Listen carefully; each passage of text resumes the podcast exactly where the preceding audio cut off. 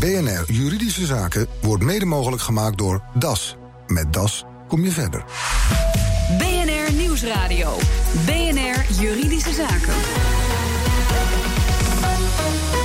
Ronald. Goedemiddag. Vandaag de Kamer van Koophandel. Je kan er niet omheen als je een bedrijf wilt beginnen. Maar ze komen nu ook met een op het oog mooie geste. Vanaf 1 november kun je er als ondernemer weer terecht op een gratis juridisch spreekuur.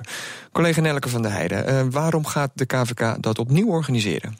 Ja, dat hadden we natuurlijk het liefst aan de Kamer van Koophandel zelf gevraagd. We hebben ze ook echt nadrukkelijk uitgenodigd. Maar ja, blijkbaar ligt er iets gevoelig. Het zou in elk geval gaan nu om, een pilot. In 2014 uh, waren ze ermee gestopt, maar er kwamen toch wel veel uh, juridische vragen binnen. En daarom komt dus nu dat, uh, dat spreekuur terug. En ze doen dat dan samen met het landelijk netwerk gratis inloopspreekuren advocaten. Dus dat zijn eigenlijk advocaten die op hun eigen kantoor ook al zo'n soort gratis spreekuren aanbieden. Maar daar komt de Kamer van Koophandel nu dus bij. En dan kun je met al je ondernemerssores kun je daar terecht? Ja, de Kamer van Koophandel geeft nu op de site ook wat uh, voorbeelden. Wanneer een debiteur weigert om een factuur te betalen. Als je een zakelijk huurgeschil hebt. Of als je geen idee hebt wat je met je algemene voorwaarden aan moet. En de Kamer van Koophandel begint nu met uh, daarmee op vijf plekken. Op een zogenaamde ondernemerspleinen in Groningen, Amsterdam, Rotterdam, Arnhem en Eindhoven. Dankjewel Nelleke. En we gaan erover verder praten in de studio zonder de Kamer Koophandel dus. Maar wel met uh, Leonie Keets. Zij is advocaat bij Hupke CS. En een van de advocaten die de spreekuren zal gaan verzorgen.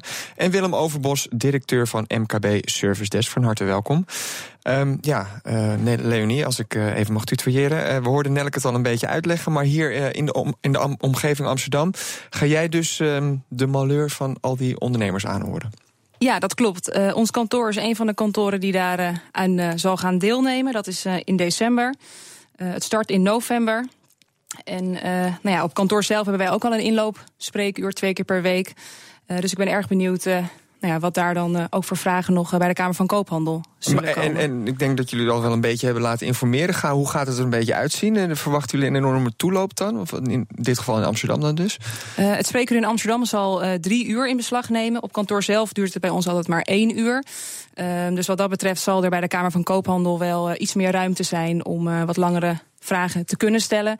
Maar ik verwacht uiteindelijk dat het uitgangspunt, dus dat je kort een vraag kan neerleggen, uh, maar daarnaast misschien ook wat meer inzicht over kosten, uh, natuurlijk gewoon kan neerleggen vrijblijvend bij een advocaat, zodat je ook als ondernemer uh, enigszins weet wat je kan verwachten, waar je op moet letten en wat ook de kosten eventueel zijn. En vind je het een goed initiatief? Ik vind het een goed initiatief omdat ik het belangrijk vind uh, dat er een lage drempel wordt geboden aan ondernemers om hun vragen te kunnen stellen. Omdat natuurlijk toch vaak een hoge drempel wordt ervaren om uh, bijvoorbeeld naar een advocatenkantoor te gaan. Um, wel wil ik opmerken dat er natuurlijk al heel veel nou ja, mogelijkheden zijn. Dus zoals bijvoorbeeld ons eigen inloopspreker, maar ook bij MKB Nederland zullen er natuurlijk uh, opties zijn voor, uh, voor ondernemers. Ja, laten dus we meteen uh, maar even naar Willem Overbos van de MKB Service Desk gaan wat dat betreft. altijd in de weer voor ondernemers. Dus wat dit betreft, nou, dit moet toch ook iets zijn wat jullie staan toe te juichen, of niet? Nou ja, er zijn heel veel vragen, uh, ook juridische vragen. Op mkbservice.nl hebben we er zo'n 250.000 per maand, waarvan 60.000 gaan over juridische zaken. Dus ja, er is zeker een vraag bij. Uh, juridisch is gewoon belangrijk bij ondernemers. Dat speelt veel op het gebied van aannemen van personeel, het sluiten van contracten, inderdaad, de betaling is niet ontvangen. Wat moet ik doen? Gewoon hele praktische zaken. En die wil je uh, eigenlijk heel makkelijk in ieder geval toegelicht zien, of daar wil je informatie over hebben. En ik denk dat die laagdrempeligheid, wij bieden hem online en 24-7, dus je kan altijd binnenlopen. Ja. Uh, ik denk dat dat een van de voordelen van maar bij online jullie moet je wel of lid zijn, en dat is 19 euro per maand zag ik. Uiteindelijk en, en als anders je, voor een echt advies moet je 49 euro betalen. Als je uh, die 49 euro is inderdaad als je geen lid, uh, lid wordt. Die 19 euro per maand is als jij een individueel antwoord wil hebben. Maar in principe op de website staat een heleboel informatie die gratis toegankelijk is. Juist ja. omdat we dat drempeltje heel laag willen houden. Dus jullie doen het al in, uh, op, op, op, een zekere manier. wat vind je dan van het feit dat de KVK dat nu ook gaat faciliteren voor ondernemers? Nou ja, ik, ik kan er van alles van vinden. Uh, wat ik he, denk is dat ja, er is gewoon heel veel behoefte bij ondernemers aan uh, juridische informatie. Dat is één. Twee, uh, de daadwerkelijke dienstverlening zal altijd een stukje toegevoegde waarde zijn die door marktpartijen wordt geleverd. Zo ook bij een he, gratis inloopspreekuur. Want dat gratis, he, als ik het ook goed begrijp, is even stap één. daar kun je even kijken, net zoals dat je dat online bij ons kan. Is even kijken, de proeven. Ja, is even ruiken, ja. even snuffelen van wat zijn nou de kaders, wat is de context. Want dat is natuurlijk bij heel veel dingen die gaan over juridische je goed beluistert, vind je dat, dat dat ook moet worden overgelaten aan de markt? En niet aan een overheidsorganisatie als de Kamer van Koophandel? Ik, ik, ik denk dat er al heel veel initiatieven zijn in de markt uh, die dat goed begeleiden. En ook daar geldt, er is helemaal geen sprake van het feit dat ondernemers door de boom het bos niet meer zouden zien. Er zijn gewoon een heel beperkt aantal spelers die daar gewoon prima in uh, kunnen faciliteren. Maar toch, ik kan me ook voorstellen, al die ondernemers die gaan beginnen, ja, vaak is het eerste loket de Kamer van Koophandel. Dan lijkt het me toch ook best wel zinvol dat je daar ook meteen eens voor de eerste keer terecht kan om eens een beetje te gaan snuffelen. Nou, voor de eerste keer, als het gaat over iets wat zeg maar, de overheid aan wet en regelgeving stelt, namelijk die inschrijving, kun je nergens anders doen. Dus als je daar iets over wil weten, ja, natuurlijk ga je dan naar de Kamer van Koophandel. En dan stap 2, een aantal basisdingen als moet ik dan een VOF of een BV beginnen. De algemene informatie daarvoor, prima, dat die er ook bij de Kamer van Koophandel beschikbaar wordt gesteld. Dus daar waar het gaat over wet en regelgeving, is de overheid met ondernemersplein, de Belastingdienst.nl zijn de loketten waar je als eerste naartoe gaat. Want daar wordt immers de wet gemaakt of de regel gesteld. Ga je daarna door, ga je een daadwerkelijke stap zetten, ja, dan kom je uiteindelijk bij jouw bedrijf of jouw onderneming of de specifieke situatie die op jou van betrekking heeft of van toepassing is. Ja, en ik denk dat je dan, hè, dan kom je een stapje verder. En dan leveren gewoon een heleboel partijen als juristen, advocaten en andere marktpartijen toegevoegde waarde in. Maar jullie hebben dus alle twee die ervaring om uh, nou ja, aan te horen wat er allemaal leeft bij uh, startende ondernemers of ondernemers die al een tijdje bezig zijn. We hebben jullie ook gevraagd om eens te kijken wat de meest voorkomende problemen zijn. Um, als we eens even, laten we het een top 3 noemen. Als we eens even naar nummer 3 gaan. Wat, wat is wat jou betreft, uh, Leonie, uh, nou ja, de op twee na meest voorkomende probleem bij ondernemers, juridisch gezien? Ja, ik vind dat een hele lastige vraag om te beantwoorden, omdat we eigenlijk zien dat zoveel. je of startende ondernemers uh, krijgt op kantoor, of waarschijnlijk ook bij zo'n KVK, of natuurlijk ondernemers die al enige tijd bezig zijn. En dan hangt het natuurlijk helemaal van af of je een eenmanszaak hebt en geen personeel, of dat je een bedrijf hebt met 100 werknemers. En uh, nou ja, ook bijvoorbeeld met die nieuwe WWZ is natuurlijk ook weer het een en ander uh, gaan spelen. Ook wat betreft transitievergoedingen na twee jaar ziekte. Uh, dat zijn natuurlijk toch wel onderwerpen waar nou ja, werkgevers tegenaan lopen. Maar wat vind jij het meest pregnant? Wat ik er nu een heel belangrijk onder, onderwerp vind, is dus die transitievergoeding na twee jaar. Weet je wat, we beginnen gewoon meteen met nummer één. Want volgens mij is dat toch, eigenlijk staat het wel bovenaan. De uh, personeelsperikelen, kan ik me zo voorstellen. Ja, dat is een vraag die we heel veel uh, terugzien. En dat is ook gewoon aan het begin van wat voor arbeidsovereenkomst uh, kan ik het best sluiten. ook gezien de nieuwe WWZ, die natuurlijk nu enige tijd al in werking is. Uh, maar ook gaandeweg, als natuurlijk een werknemer bijvoorbeeld dus twee jaar ziek is. Uh, voorheen hoeft hij dan geen vergoeding te betalen als iemand uh, na twee jaar uit dienst ging. en nu door die WWZ is dat wel nou ja, aan bod gekomen. En dat komt, zorgt toch bij werkgevers vaak voor een heel nou ja, oneerlijk. Maar laten we bij het begin gevoel. beginnen. Uh, mensen die willen dus uh, eigenlijk met iemand in zee gaan, die willen iemand aannemen. Uh, en dan, wat voor, wat voor fouten maken ze dan? nou ja, vaak wordt bijvoorbeeld of een vast contract gegeven, wat natuurlijk een heel goed uh, idee kan zijn, maar soms is het ook niet altijd uh, aan te raden. Uh, je ziet ook ehm, dat er nou ja, niet goed wordt nagedacht of dat er überhaupt geen arbeidsovereenkomst wordt opgesteld. Uh, maar vaak aan het begin zien we toch wel dat het meestal uh, goed gaat. Je ziet toch meer problemen aan uh, nou ja, als het eind. Als, een, als men afscheid wil nemen, inderdaad. als er sprake is van ziekte, dat de werknemer misschien niet goed functioneert. Of dat dat juist de werkgever zich niet in de ogen van de werknemer uh, goed opstelt. Uh, dus je ziet het eigenlijk, dat zijn meer vragen die gedurende het proces opkomen. Oké, okay. uh, hoe is dat bij jullie, Willem? Heel herkenbaar hoor. Ja. Uiteindelijk, ja, zeker. Als je kijkt naar de top, uh, de top drie, daar staat dit wel op één. Uiteindelijk, van, uh, als we kijken naar de downloads van voorbeeldcontracten bijvoorbeeld. Ja, dan is inderdaad een voorbeeldcontract, hè, bepaalde tijd, voorbeeldcontract, onbepaalde tijd, nul uren contracten. Maar ook het personeelshandboek, die wilde ik er toch even uithalen. Want die voorbeeldcontracten die kun je zelf downloaden, daar kun je zelf mee aan de slag. Maar vaak laat je die ook even toetsen. Is, ik wou net zeggen, want is zo'n voorbeeldcontract juist niet een recept voor uh, nadigheid? Nou, heel veel, en dat kun je wel beamen, is standaard. Maar uiteindelijk moet je wel voor jouw eigen organisatie natuurlijk zorgen dat je het goed hebt afgerecht. En juist daar levert die jurist of de advocaat een stukje toegevoegde waarde. Maar wat we ook zien is dat heel veel bedrijven, als je natuurlijk toch kijkt naar Nederland, uh, 1,7 miljoen bedrijven, 400.000 daarvan parttime ondernemers, 300.000 bedrijven eigenlijk tot tussen de 2 en de 50 medewerkers en 1 miljoen zelfstandigen. Maar juist die tussen de 2 en de 50, de bulk daarvan is klein, is kleiner dan 10. En de personeelshandboeken en de HR-afdelingen, die zijn daar natuurlijk niet. Dus als je inderdaad even investeert in het neerzetten van een personeelshandboek, waar je een aantal afspraken in hebt staan die je met werknemers maakt, voorkom je in de toekomst Concreet, heel veel ellende. wat voor afspraken heb je het dan over?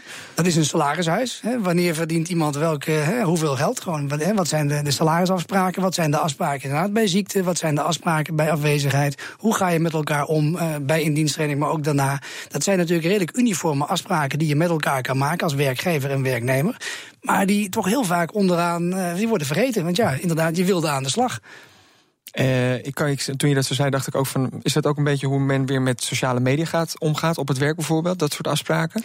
Kunnen er ook in staan, ja. zeker. Ja. Dat ook nog een hoop gezeur oplevert. Ja. Um, als je het hebt over beginnende ondernemers... Uh, volgens mij, Leonie, jij vertelde ook uh, voor de uitzending nog even... dat je dan toch mensen heel erg graag willen beginnen... of met iemand in zee willen gaan... of uh, een bepaalde winkel willen overnemen... en dat dan ja, de enthousiasme toch een beetje wint van het verstand. Op de zorgvuldigheid, laat ik het zo zeggen.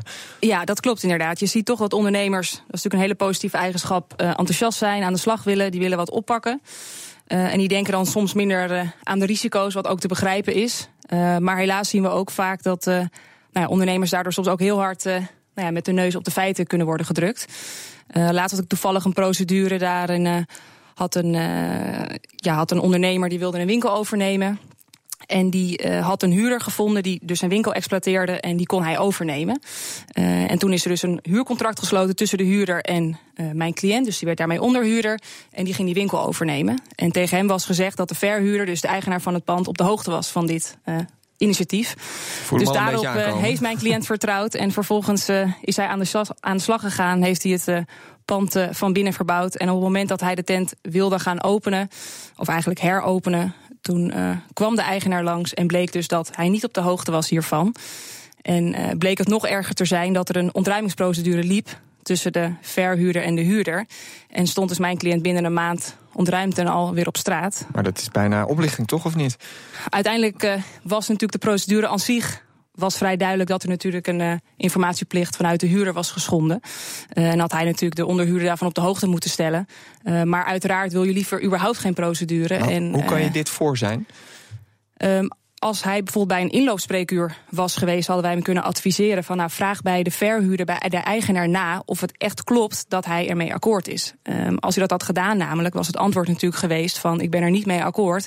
En daarnaast loopt er een ontruimingsprocedure. Um, en had dus mijn cliënt dit ook nooit aangegaan en is het, had hij niet alle moeite en ook geld uh, kunnen besparen. Ligt ook een klein beetje voor de hand natuurlijk. Maar wij gaan uh, straks na de break gaan we het verder hebben... over de grootste juridische struikelblokken voor ondernemers. En hopelijk ook weer met, uh, met oplossingen. BNR Nieuwsradio. BNR Juridische Zaken. Vanaf 1 november kun je op vijf plekken in het land bij de Kamer van Koophandel terecht voor een gratis juridisch spreekuur. Ik sprak er voor de break al over met Leonie Keet, een van de advocaten die hier in Amsterdam straks op zo'n spreekuur kan tegenkomen. En Willem Overbos van MKB Service Desk, platform voor ondernemers die tegen een kleine vergoeding ook eerste juridische hulp bij ondernemersongelukjes verlenen. Uh, nogmaals van harte welkom. En we hadden dus ja, een soort van top 2, 3, 1, 1, 2, 3, uh, wat veel voorkomt uh, qua problemen. personeel staat daar toch wel eigenlijk op één. Um, maar jij hebt toch ook nog een 2 en 3, Willem?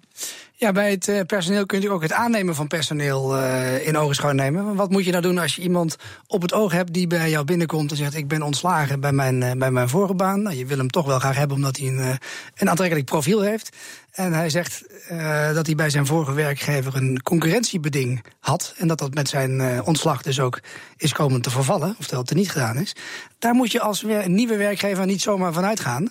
Want een concurrentiebeding kan namelijk ook nog nadat het contract is beëindigd. gewoon blijven staan. Als dat niet is overeengekomen met de vorige werkgever, dat dat er niet meer is. Kan ook, en nog, dan, een, kan ook nog een staande weg zijn, ja. Kan een staartje krijgen ook, Ja, want dan ja. uh, kan zeg maar, de vorige werkgever ook daadwerkelijk uh, ervoor zorgen dat die werknemer niet bij jou aan de slag gaat. Leonie, Leonie jij zei voor uh, de reclame van ja, je ziet toch een groot verschil tussen de, de kwesties die uh, beginnende ondernemers voorleggen op zo'n spreker bijvoorbeeld en ondernemers die al een tijdje onderweg zijn. Um, zou je zeggen dat ondernemers die al een tijdje op weg zijn, dat die hun zaakjes beter op orde hebben?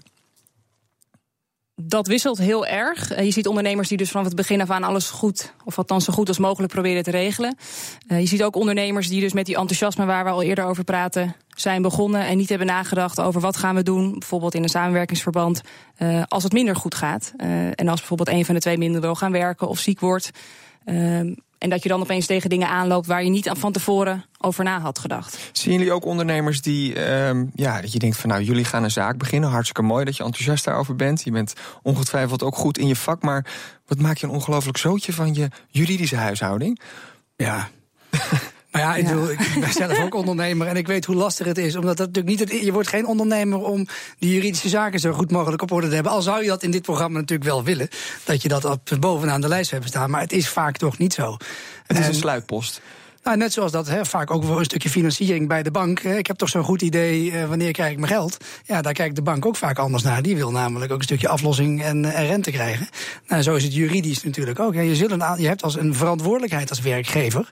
Uh, je hebt een verantwoordelijkheid als ondernemer jegens andere ondernemers. En dat gaat van het betalen van een uh, factuur van een crediteur tot en met nou, inderdaad de verantwoordelijkheid naar je personeel maar, maar of je collega's. Hoe krijg je dat dan toch tussen de oren? Dat mensen denken ook van, nou, je kan dus een hoop problemen voor zijn uiteindelijk. Ja, en ik in mijn beleving is het heel belangrijk om toch in te lezen. En dat kan al heel laagdrempelig. Uh, naast MKB Service zijn er heel veel andere plekken waar je uh, binnenkort zelfs bij de Kamer van Koophandel kun je terecht uh, om eventjes die vraag te stellen. ja, wij zijn er 24-7 voor klaar en voor open. Google het gewoon even. en, Ik denk ook wel dat er veel aan het veranderen is wat dat betreft. Want inderdaad, we hebben hier nu twee initiatieven aan tafel vandaag. Maar je hebt tegenwoordig natuurlijk ook die online juridische dienstverleners. Waar je dus ook in een soort van abonnementsvorm al heel veel templates kan krijgen, et cetera. Dus zou je kunnen zeggen dat mensen toch wel wat beter beslagen ter ijs komen tegenwoordig? Nou, er is in ieder geval een verandering volgens mij in de manier waarop de dienstverlening wordt aangeboden. En waarop die toegevoegde waarde wordt geleverd door enerzijds specialisten. Ik denk dat het in de advocatuur natuurlijk best spannend is dat je die, hè, die verschuiving ziet in dit soort online uh, platformen. Tegelijkertijd biedt het een enorme kans om een, een, grotere groep mensen te bedienen met je juridische kennis. En dat geldt voor ons ook. Ik bedoel, je, kunt, je kan hiermee gewoon een grotere groep mensen bedienen. Uh, omdat het gedigitaliseerd is voor een deel. Dat neemt ja. niet weg dat er expertise nodig is. En Leonie, vanaf 1 november dus op uh, de vijf ondernemingspleinen van het Kamerverkopen van de Kamer van Koophandel. Uh, de gratis inloopspreekuren, waar jij dus hier in Amsterdam aan, gaat mee, aan gaat meedoen. Um, wat kunnen mensen of wat kunnen de ondernemers verwachten? Kunnen ze ook met een zeggen van nou Leonie, wil jij even mijn algemene voorwaarden in elkaar zetten? Wat ondernemers kunnen verwachten is dat ze hun vraag uh, kunnen neerleggen bij de advocaat die er op dat moment zit. Um, en dat kan een nou ja, korte vraag zijn die ook in dat inloopspreker beantwoord kan worden. Um, maar het kan inderdaad ook een vraag zijn van kan je de algemene voorwaarden opstellen? En daar leent dan natuurlijk een inloopspreker zich niet voor, omdat daar gewoon meer werkzaamheden voor nodig zijn. Maar wat dan het mooie van zo'n inloopspreker is dat je wel daar al een stukje uh, duidelijkheid kan geven over bijvoorbeeld de kosten. Zodat een ondernemer ook voor zichzelf die afweging kan maken van is het mij het waard om goede algemene voorwaarden te hanteren. Want dan ben je wel weer 500 euro verder, denk ik. Dat, uh, dat is wel een bedrag waar je aan moet denken. Maar op zich, als je afweegt van wat voor problemen je er mogelijk mee kan voorkomen kan het een goede afweging en zijn. En krijgen ze wel even de tijd om hun probleem uiteen te zetten? Of is het een uh, soort van speeddate? Wat ik heb begrepen bij de Kamer van Koophandel... wordt er maximaal uh, 45 minuten ingeruimd om met een ondernemer te spreken. Dus ah, dat is op zich een, uh, nou ja, ja. een mooie tijd om van gedachten te kunnen wisselen. Oké, okay, dank jullie wel voor jullie komst. Vanaf 1 november dus bij de Kamer van Koophandel. En hier in de studio hoorde u advocaten Leonie Keet... en Willem Overbos, directeur van MKB Service Desk. BNR Nieuwsradio. Juridische Zaken. Ja, dan is het weer tijd voor ons eigen spreekuur, de juridische vraag van de luisteraar. Bij het uitparkeren had iemand de ruimte een beetje te optimistisch ingeschat. De auto van onze luisteraar liep schade op, maar de verantwoordelijke was al gevlogen. Een verslag van Nelke van der Heijden. Marieke, je kwam laatst bij je auto en werd daar onaangenaam verrast. Ja, dat uh, klopt inderdaad. Uh, we kwamen beneden bij de auto en uh, toen bleek de andere auto weggereden te zijn. Maar bij het achteruitrijden uit het parkeervak is hij tegen onze auto aangereden. En nu hebben wij schade. Maar dat hebben ze dus niet eventjes gemeld. Zat geen briefje onder de ruitenwisser? Nee, het zou wel netjes geweest zijn, inderdaad. Maar je weet wel dat het zo gegaan is? Ja, want we hebben een paar getuigen. Die uh, hebben alles gezien. Die hebben ook het kenteken genoteerd en wat voor auto het is en de kleur. Dus uh, we hebben in principe, weten we wie het gedaan heeft. En meteen aangifte gedaan? Ja, meteen de aangifte gedaan bij de politie en ook bij de verzekering gemeld. En zij zouden er ook direct uh, werk van gaan maken. Maar dat blijkt dus inderdaad nog niet zo makkelijk te zijn. Want de andere partij zegt dat hij het niet heeft gedaan en ontkent alles. Dus ja, dat blijkt dan inderdaad niet zo makkelijk te zijn met de uitkeren en alles regelen met de verzekering. Want voor de verzekering is het niet genoeg dat je en het kenteken en die getuigen hebt? Ja, blijkbaar is dat inderdaad erg lastig. Dan wordt het een wat moeilijker verhaal. Ik vraag me inderdaad echt af of, uh, of wij juridisch uh, in ons recht zouden staan. Mewa van Beer Advocaten. Marieke vraagt zich af of ze nou niet genoeg heeft aan die getuigen... en dat ze weet wie haar auto beschadigd heeft. Ja, dat zou zeker voldoende moeten zijn. Marieke heeft meerdere getuigenverklaringen weten te achterhalen van objectieve personen. En die kunnen verklaren dat een auto met een bebeurs kentekennummer haar auto heeft beschadigd. En hoe moet ze dat dan aanpakken? Nou, ze moet die getuigenverklaringen naar haar verzekeraar toesturen. Ze moet het kentekennummer doorgeven. Ik heb begrepen dat zij aangifte heeft gedaan, aangifte meesturen. En dan moet de verzekeraar de dader zien te achterhalen. Dat moet ook kunnen aan de hand van de kentekengegevens. En dat moet die verzekeraar ook doen? Nou ja, ze heeft het gemeld bij haar eigen verzekeraar. En uh, of die dat gaat doen is dan altijd duister. Ze zou dat moeten doen als service. Maar als de verzekeraar dat niet wil, dan heeft ze ook nog andere mogelijkheden. En wat zijn dan die mogelijkheden? Nou, ze kan zelfstandig achter de dader zien aan te gaan. Uh, als de kentekengegevens bekend zijn en ook de namen. Dan kan ze die meneer een brief sturen. Die kan ze aansprakelijk stellen. Als de dader nog steeds ontkent, dan kan ze al dan niet met behulp van een jurist of met haar rechtsbijstandverzekeraar uh, die meneer aansprakelijk stellen. En in het ergste geval zelfs nog bij de kantonrechter kunnen uitkomen. Waar het dan om gaat is bewijs. De verklaring van de dader tegenover verklaringen van objectieve getuigen. Ja, daar zal een bewijswaardering moeten zijn. En uh, het is mijn uh, overtuiging dat zij die zal winnen. Oké, okay, dus dat klinkt al hoopvol. Zijn er toch ook nog andere mogelijkheden als dat toch niet lukt? Die zijn er zeker. Dan kan ze de schade melden bij het Waarborgfonds Motorverkeer. Dat kan vrij makkelijk, dat kan ook uh, online. Dan moet je de verklaringen die je hebt van objectieve getuigen meesturen, vertellen wat er gebeurd is. Je hebt de verplichting om de dader te achterhalen. Dat heeft ze ook gedaan. Dat moet ze allemaal meesturen. En dan kan het Waarborgfonds wellicht opkomen voor de schade. Wat ze zich moet realiseren is dat er wel sprake is een eigen risico van 250 euro zelf verhalen of via het fonds heeft als bijkomend voordeel dat het niet van je no-claim afgaat, zegt advocaat Veru Mewa in een verslag van Nelke van der Heijden. En heeft u nu zelf een juridische vraag, u kunt hem naar ons mailen. Het adres is juridischezaken.bnr.nl. Dit was de uitzending voor vandaag. U kunt hem nog eens terugluisteren via bnr.nl slash juridische zaken. Mijn naam is Ronald Olstorn. Tot de volgende zitting. BNR Juridische Zaken wordt mede mogelijk gemaakt door DAS. Met DAS kom je verder.